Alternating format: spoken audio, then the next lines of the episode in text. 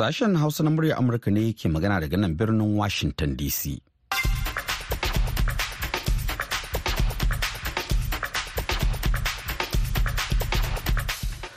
Masu raro barkanmu da asuba da fatan an wayi gari lafiya. Suna na Sarfila Hashin Gumel tare da Murtala Faruk Sanyin da sauran abokan aiki muke kawo muku wannan shirin a yau ranar Laraba uku ga watan Janairu na shekarar 2024. Kafin ku ji abin da muke tafa da shi ga kanan labarai. Sarfilu baitul malin amurka ta ba da sanarwar cewa adadin bashin da ake bin ƙasar ya haura dala tiriliyan 34 wani jirgin yaƙin isra'ila kan ofisoshin wato ya kai hari kan ofisoshin hamas da ke yankin beirut inda ya kashe babban jami'in hamas sale al-aruri. Jami'an ƙasar ukraine sun ce rasha ta kai munanan hare-haren makamai da suka kashe akalla mutane biyar tare da jikkata wasu 130 a kiev da kharkiv. To Allah ya kyauta. Kanin labaran duniya aka saurara. Cikin shirin za a ji cewa a yau ake cika wata guda da harin da jirgin soja ya hallaka masu taron maulidi a garin tudun biri da ke kaduna. Kowane hali mutanen ke ciki a yan mutanen wanda suna asibiti sun samu sauƙi wasu ma an sallama sun samu lafiya. Masu manyan raunuka ne kawai kaman karaya su ne adda saura. Haka kuma za a ji cewa ana ci gaba da alhinin mummunan kisan gillar da aka yi wa jama'a a jihar filato tare da neman gwamnati ta ɗau mataki.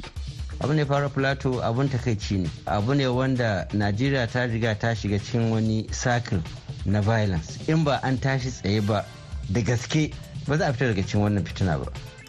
Sai a biyo mu cikin shirin domin jin cikakkun bayanai da muke tafa da su. Sannan kuma muna tafa da shirin baki mai yanka wuya wanda murtala faruk sanyin ne shirya kuma zai gabatar. Amma yanzu sai ya fara da karanto mana labaran duniya tukunna. Jama'a assalamu alaikum barkamu da wannan safiya da fatan an waye gari lafiya ga kuma cikakkun labaran. Baitulmalin Amurka ta ba da sanarwar cewa adadin bashin da ake bin ƙasar ya haura dala triliyan 34.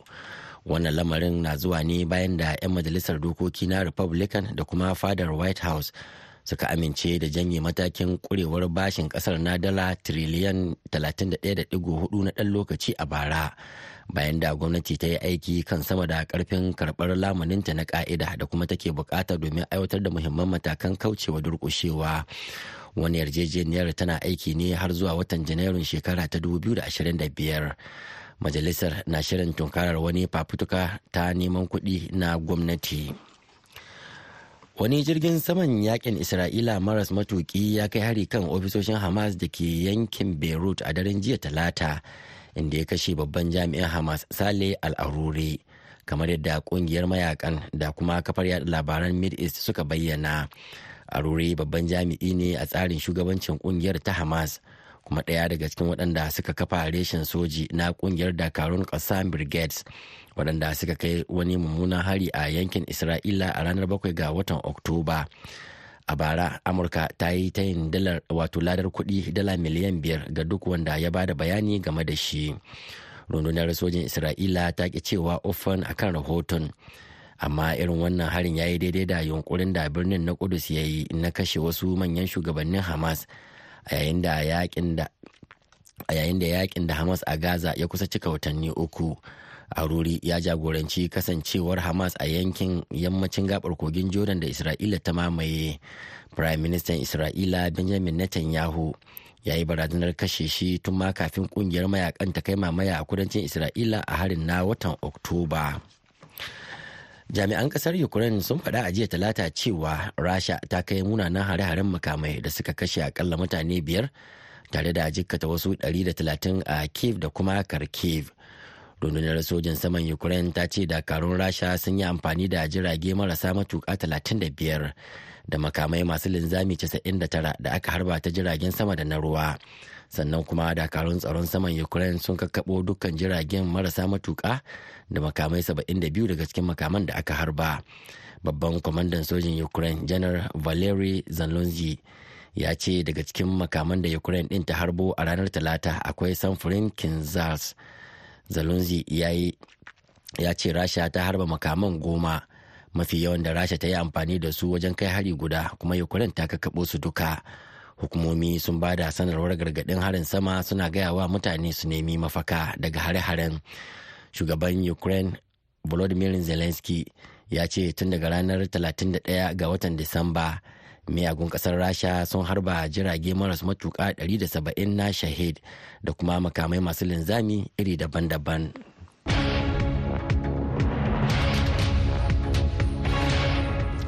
To ina jima kaɗan Murtala zai sake da da labarai kafin nan a yau laraba ne aka cika wata guda da harin jirgin sojan da ya halaka masu taron maulidi a garin tudun biri da ke karamar hukumar igabin jihar Kaduna. Kuma har yanzu akwai sauran masu jinya a wasu asibitoci biyu da ke garin na Kaduna.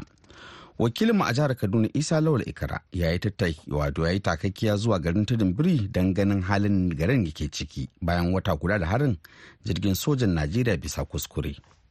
babbar alamar farko da mutum zai iya gani a hanyar shiga garin tudun biri dai ita ce kankare hanyar shiga garin da aka yi sai kuma karuwar waɗanda aka sallamo daga asibitoci bayan doguwar jinyar da suka yi dake kuma har yanzu akwai sauran waɗanda harin jirgin ya jikkata waɗanda ke kwance asibitoci guda biyu a jihar kaduna. Kamar da yadda shugabannin garin tudun birin suka shaidawa muryar amurka. Ni mai anguwa suleiman sha'ibu tudun biri. Mutanen wanda suna asibiti sun samu sauƙi wasu ma an sallama su sun samu lafiya. Masu manyan raunuka ne kawai kaman karaya su ne adda saura. Ni na abubakar musa tajambari shugaban matasa da ke na unguwa. Babban abin da ya kara kwantar min da hankali na duk marasa lafiyar mu gaskiya alhamdulillah. Asibitoci guda nawa ne yanzu sauran mutanen da suka rage suke? Akwai fotofo akwai mutanen mu a wajen. Sai baro duku. Wasu daga cikin mutanen garin tudunburin da aka sallamo daga asibitocin ma sun shaida wa duniya irin jinyar da suka yi. Suleiman Umar. Kwanan kano asibiti?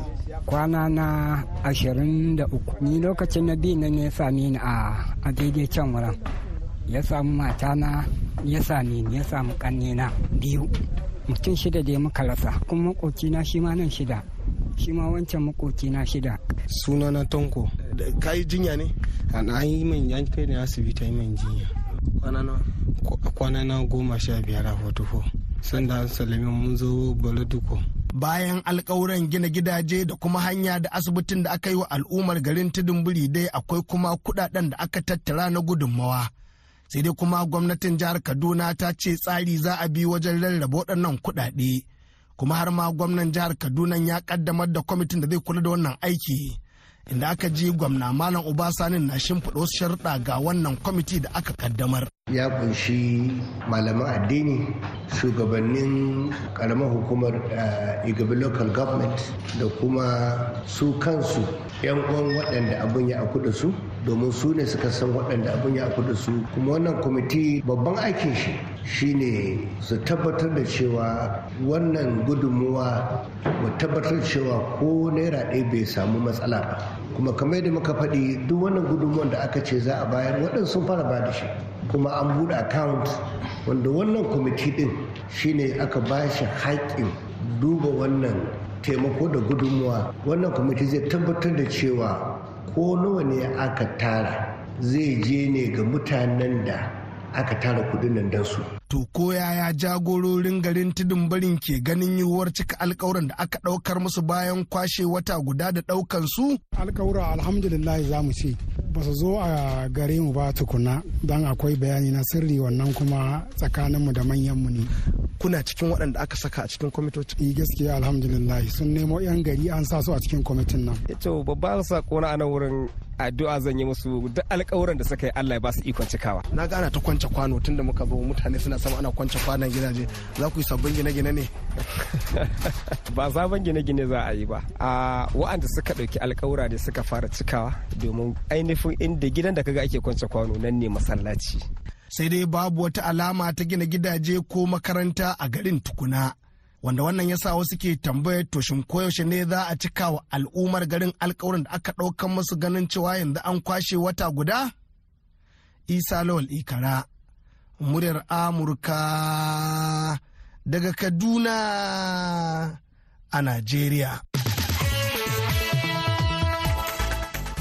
To Madala a gaida na ikara har yanzu dai kuna tare da sashen Hausa na murya Amurka daga nan birnin Washington DC. Yanzu dai ga Murtala ya dawo mana da kashi na biyu kuma na ƙarshe na labaran duniya.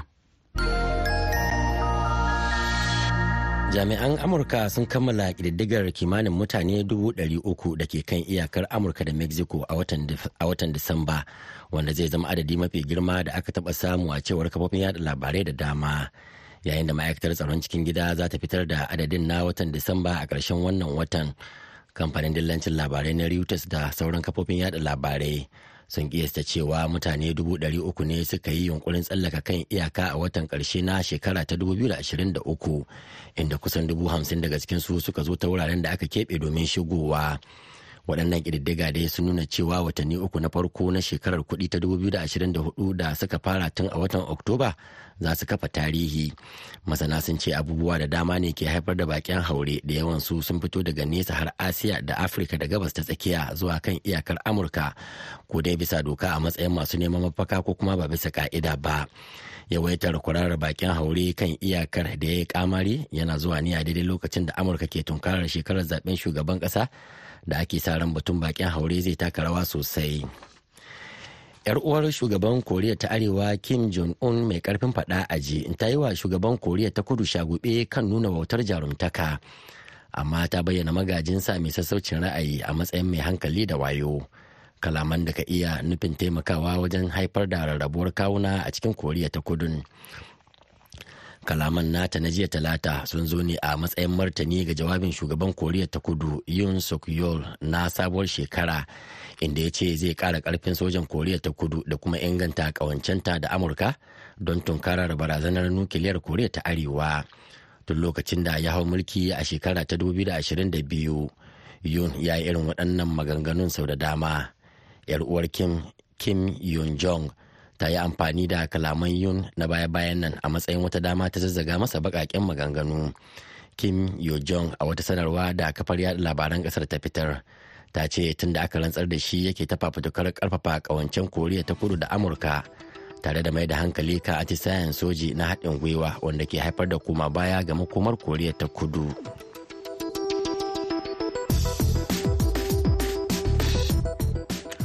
Labaran duniya kenan aka saurara ganin sashen hausa na murya amurka a birnin washington dc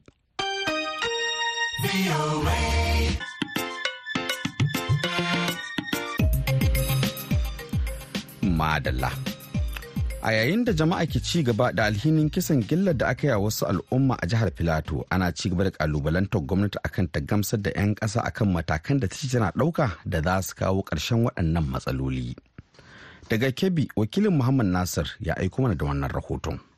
Kalubalen da suka yi wa najeriya tarnaki sun jima suna mayar da hannun agogo baya da kawo kuma bayan ƙasar asassa daban-daban. Duk da yake mahukunta su ma sun jima suna cewa suna ɗaukar matakan shawukan kalubalen daga cikinsu kisan kiyashi da aka yi wa jama'a na daga cikin abubuwan da wataƙila kan fi ɗaukar hankalin 'yan ƙasa. Kamar yadda ƙasa ga wata ɗaya aka yi asarar ɗaruruwan rayukan jama'ar da ba su je ba su gani ba a jihohin kaduna da plateau. Cibiyar nazarin cigaban addinin musulunci ta najeriya da ke zaria ta jihar kaduna.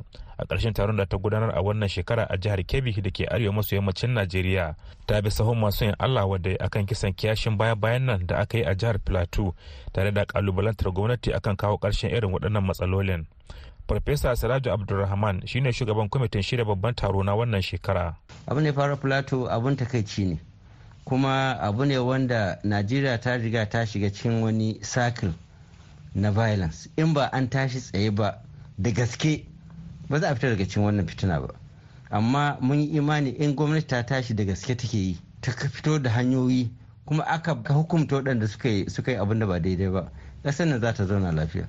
Ko abin da ya faru a garin tudun biri da ke jihar kaduna har yanzu yana nan cikin zukatan 'yan najeriya a cewar farfesa siraju abdulrahman. Wanda har yanzu gwamnati bata hito wata karara ba mutane su domin ko gwamnati ya ɓoye bai isa ba. Dole a fito a sanar da mutane ko mutane su ga cewa eh lalle ga wani ya yi laifi a yin punishin din shi. Wannan shi zai kawo mana zaman lafiya insha Allah. Rashin yin hukunci akan masu aikata manyan laifuka har ma dai na yin kisa na daga cikin abubuwan da jama'a ke nuna yatsa akan gwamnati.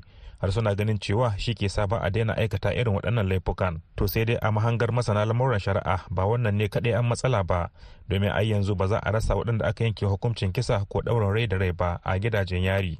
Barista muhammad mansur aliyu masanin lamuran shari'a ne a najeriya. To amma za ka iske wa'annan gwamnati ce take son ta tabbatar an musu kuma shi yasa da aka kama su aka yi bincike mai kyau aka gabatar da su gaban shari'a kuma aka hukunta su. To amma wa'anda tun daga lokacin kame da ya kamata a kama ba a kama ba. Ko kuma an kama gwamnati na da sha'awa ta ki gabatar da su ga kotu ko kuma an gabatar da su kotu an ki kawo shaidu ingantattu. Akwai da yadda alkali zai an gabatar mai da shaidu ingantacci harkan shari'a ba inda ya ma ya ce ya saki mutane an yi an dafa kara za a hukunta su ne. Waɗannan da ma wasu ƙalubale kamar rashin samun kyakkyawan shugabanci fatara rashin aikin yi taɓarɓarewa ayyukan noma da kuma rashin samun haɗin kan 'yan ƙasa da dai sauransu. Na daga cikin abubuwan da ƙungiyoyi da ɗaiɗaikun jama'a ke fafutukar taimakawa ganin an magance inda wannan cibiyar ta nazarin cigaban addinin musulunci a taron ta karo na 26 da ta gudanar a wannan shekara ta mayar da hankali wajen jawo hankalin 'yan najeriya akan shugabanci da waɗanda ake shugabanta. Muna son al'umma su fahimci cewa nauyin shugabanci ba ya tsaya ba ne kawai akan shugabanni duk da yake su ne jagora. Amma su kansu al'umma ya kamata su san haƙƙin da ke kansu na yadda za su yi da'a ga shugabanni shugabanni za su musu adalci yadda za a yi gaskiya da riƙon amana. Ƙungiyoyi da hukumomi sun jima suna bayar da gudunmawa ta hanyoyi daban-daban akan yadda najeriya za ta kasance bisa kyakkyawar turba. To sai dai har yanzu a iya cewa kwalliya ta kasa biyan kuɗin sabulu duk da yake wasu ƙungiyoyin ba su yi ƙasa a gwiwa ba ga ƙoƙarin da suke yi. To koyaushe ne najeriya za ta hau turbar da za ta kai ta ga tudun tsira lokaci ne kawai zai nuna. Muhammad Nasir muryar Amurka daga Kebbi a Najeriya.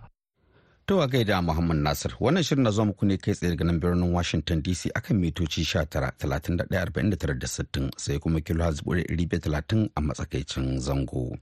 Ga masu sauraron a jamhuriyar Nijar za ku iya sauraron mu a tashar mu ta VOA Africa akan mita 200.5 zangon FM.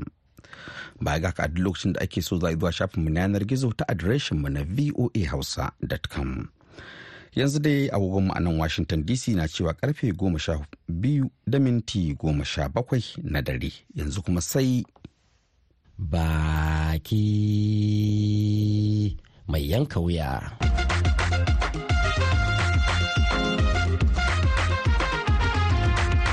Wata takaddama ta kunno kai kan kasafin kuɗin najeriya na wannan shekara inda 'yan arewacin ƙasar ke ganin da sake wai an baiwa mai kaza kai.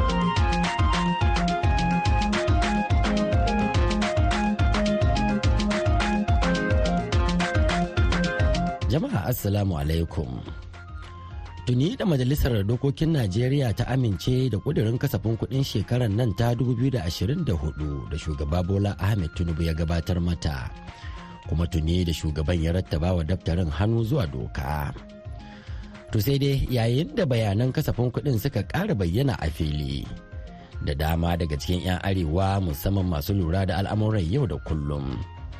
Suka yi ta korafe-korafe na zargin rashin raba daidai wajen rarraba ayyukan buƙata a tsakanin sassan ƙasar a cikin kasafin kuɗin.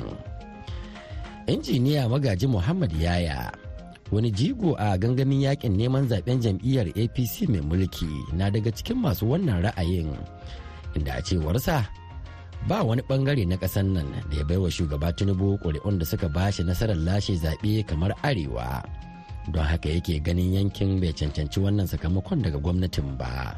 Yayin da 'yan najeriya suka ji yawan kuɗin sama da tiriliyan 28 kowa yana ta murna amma daga baya ba an bincika a al'amarin sala-sala sai aka tadda cewa wannan kasafin kuɗi mafi yawansa ya tafi ɓangarori guda ɗaya ko ɓangarori guda biyu. Mafi yawan ya tafi ɓangaren da shugaban ƙasa ya fito a turance wanda ake kira southwest ɓangaren jihohi na yarbawa jihar lagos oyo ondo oshun ogun da ikiti. Sai daga baya kuma kaso mafi yawa na biyu ya taho daga ɓangaren da shugaban majalisar tarayya ya fito shine uh, gospel ofabio shine ake kira south south ko kuma yamma mafi yamma da ya tara da rivers cross rivers a bayelsa delta da kuma edo jihohi guda shida. Wanda a taƙaice dai a siyasance ba a najeriya ba amerika ita ta kirkiro siyasa mafi yawan kaso dama yakan zuwa inda suka fi ba da kuri'a kamar misali a northwest ita ta ba da kuri'a na apc sama da kashi ɗaya bisa uku na a asiwaju bola ahmed tinubu. Amma abin mamaki wata jiha daga ɓangaren northwest ita ce zamfara. Aka fara bincikawa kamar ɓangaren education ɓangaren tsaro da ɓangaren kuma agriculture ma aka samu cewa wani ɓangaren ma ba a sa musu komai ba. To wani lokaci sai abin ya ban mamaki 'yan majalisa da ake tura su su je su wakilci jama'an jihohinsu. Bacci suke yi ne rashin bincike ne ba sa yi rashin nazari ne ba sa yi. Har a gama irin wannan abu ba za su tantance su ga cewa me wa irin kaso aka musu a jihohinsu ba. Al'amarin da ban kunya da ban tsoro. Masanin tattalin arziki dr bashir muhammad acida na jami'ar usmanu dan fodiyo ta sokoto na ganin cewa in har wannan zargin ya tabbata to kuwa laifin yana kan masu wakiltar yankin na arewa a dukkan matakan tsara kasafin kuɗi.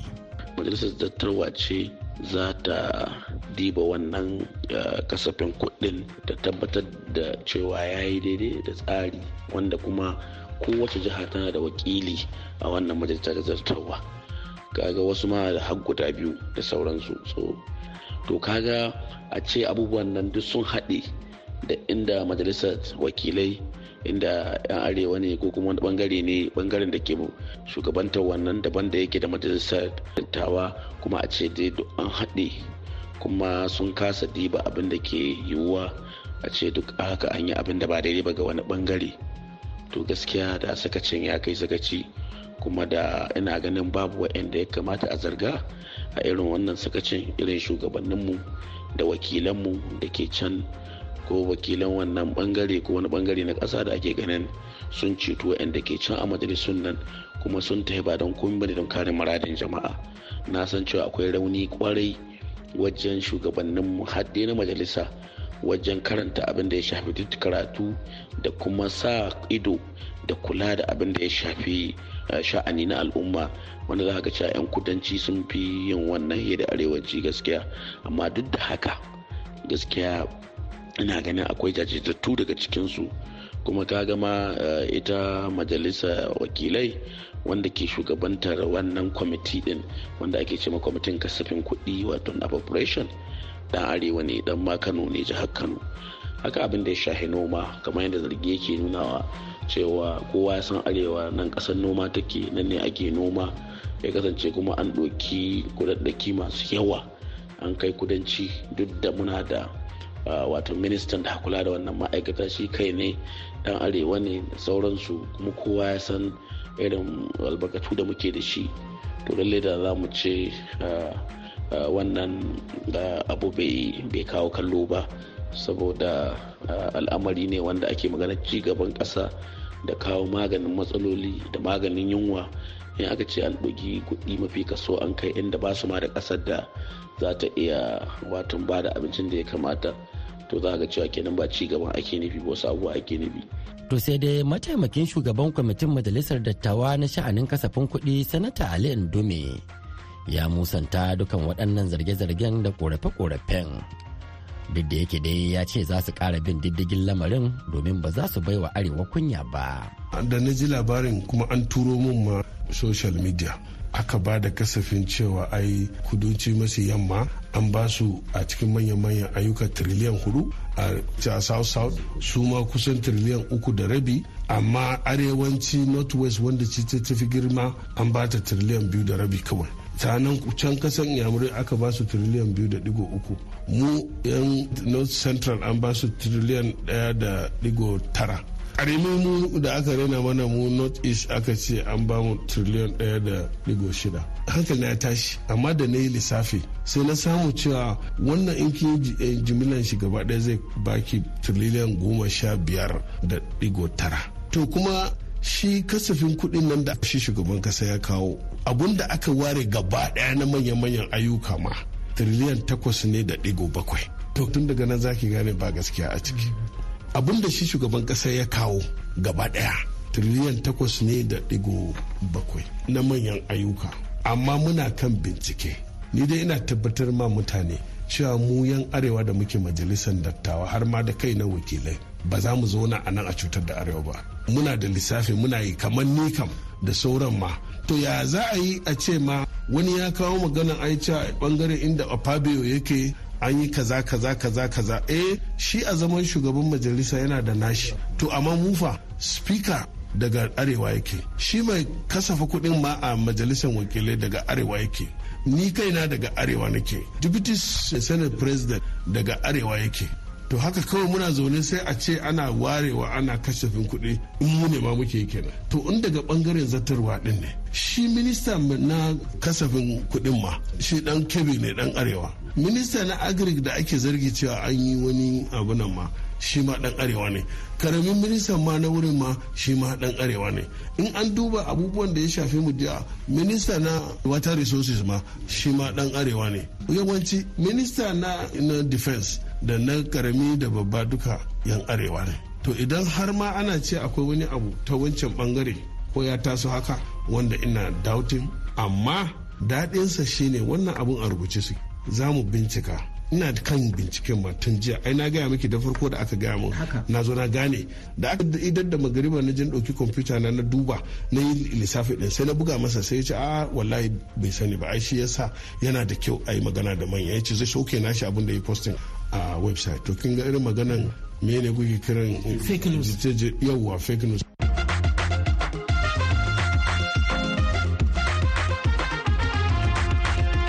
Masu saurare a nan za mu dasa aya sai mako mai zuwa inda za mu kawo muku wani sabon shirin.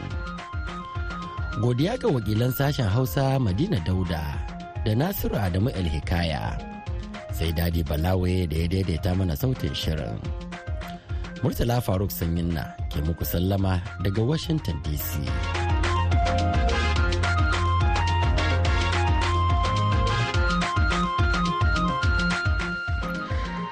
To a gaida dan mutum sanyin na amma ba kammala ba sai ka ba mu labarai amma wannan karan fa a takaici. To a taƙaice Baitulmalin Amurka ta ba da sanarwar cewa adadin bashin da ake bin ƙasar ya haura dala tiriliyan 34 wannan kuma lamari na zuwa ne bayan da 'yan majalisar dokoki na Republican da fadar White House suka amince da janye matakin kwarewar bashin ƙasar na dala tiriliyan 31.4 na ɗan lokaci a bara. Wani jirgin saman yaƙin isra'ila maras matuki ya kai hari kan ofishin wato ofisoshin hamas da ke yankin beirut a daren jiya talata inda ya kashe babban jami'in hamas sale al-aruri kamar yadda ƙungiyar mayaƙan da kuma kafar yada labaran mid east suka bayyana. Aruri babban jami'i ne a tsarin shugabancin ƙungiyar ta hamas kuma ɗaya daga cikin waɗanda suka kafa reshen soji na ƙungiyar dakarun ƙasa brigades waɗanda suka kai wani mummunan hari a yankin isra'ila a ranar bakwai ga watan oktoba. Jami'an ƙasar ukraine sun faɗa a jiya talata cewa rasha ta kai munanan hare-haren makamai da suka kashe akalla mutane biyar tare da jikkata wasu 130 a kiev da kuma kharkiv rundunar sojin saman ukraine ta ce dakarun rasha sai yi amfani da jirage maras matuka 35 da makamai masu linzami 99 da aka harba daga jiragen sama da na ruwa sa'an nan kuma dakarun tsaron saman ukraine sun kakkaɓo dukkan jiragen marasa matuka da kuma makamai 72 daga cikin makaman da aka harba. Jami'an amurka sun kammala ƙididdigar kimanin mutane 300 da ke kan iyakar amurka da mexico a watan disamba wanda zai zama adadi mafi girma da aka taɓa samu a cewar kafofin yada labarai da dama. Yayin da ma'aikatar tsaron cikin gida za ta fitar da adadin na watan disamba a ƙarshen wannan watan kamfanin dillancin labarai na reuters da sauran kafofin yada labarai sun kiyasta cewa mutane dubu ɗari uku ne suka yi yunkurin tsallaka kan iyaka a watan ƙarshe na shekara ta 2023 yar uwar shugaban koriya ta arewa kim jong-un mai ƙarfin fada aji ta yi wa shugaban koriya ta kudu shagobe kan nuna wautar jarumtaka amma ta bayyana magajinsa mai sassaucin ra'ayi a matsayin mai hankali da wayo kalaman da kan iya nufin taimakawa wajen haifar da rarrabuwar kawuna a cikin koriya ta kudu. To madalla masu raro baki ɗaya abin da ya sauka kenan a shirinmu na yanzu sai kuma an jima kaɗan da hantsi za mu sake dawowa da wani sabon shirin inda za mu duba batun matakin da gwamnatin Najeriya ta ɗauka na dakatar da amincewa da digiri dan kwatano. Sai a biyo mu domin jin abin da masu ruwa da tsaki a wannan fannin ilimi ke faɗa.